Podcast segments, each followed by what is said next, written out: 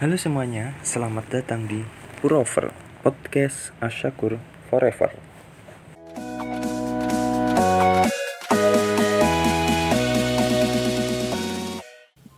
Rasa ketertarikan pada kopi mulai muncul di benakku. Keingintahuan mulai ada yang membuat tertarik adalah rasa yang dihasilkan kopi dari sebelumnya. Mulai dari aroma dan cara pengolahan kopi itu tersendiri. Tak ingin berlama-lama menunggu, aku pun mulai mencoba kedai kopi yang lain dengan hanya membawa sebuah laptop sebagai teman tongkrongku. Karena aku pikir mencoba sesuatu hal yang baru lebih nyaman dan santai apabila seorang diri. Kesendirianlah yang bisa membuat kita bereksplor lebih jauh. Aku pun mencoba mencari kedai kopi yang dominan sepi pengunjung. Di situlah aku bisa bertanya-tanya tentang kopi secara mendalam dengan karyawan tersebut. Harapanku setelah sekian menit menghabiskan berkeliling untuk mencari kedai kopi yang sepi pengunjung, aku pun menemukan salah satu kedai kopi yang dirasa cocok untuk mengeksplor kopi.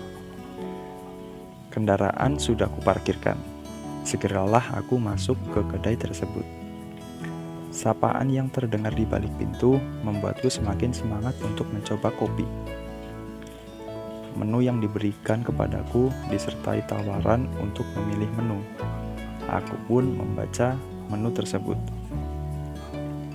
Satu lembar menu dan tidak terlalu banyak macamnya membuatku meminta kopi yang terbaik di sini. Lalu aku dipersilahkan untuk duduk terlebih dahulu sambil menunggu pesananku. Laptop pun aku keluarkan untuk menyelesaikan beberapa pekerjaan. Tercium bau cat yang masih baru membuatku melihat sekeliling bangunan kedai tersebut. Pesananku pun datang. Aku bertanya tentang kedai tersebut. Ternyata kedai itu baru buka sekitar tujuh hari. Pantas saja bangunan yang masih terlihat kokoh dan bersih disertai dengan aroma cat yang baru membuatku menjawab pertanyaanku sendiri. Aku pun lalu menanyakan tentang nama olahan kopi yang sudah aku pesan tersebut. Dia menjawab V60. Dan aku bertanya, apa itu V60? Dan apa yang digunakan biji kopinya? Dia menjawab, V60 adalah penyeduhan metode kopi pour over yang menggunakan saringan kerucut di atasnya. Biasanya Saringan tersebut menggunakan paper filter.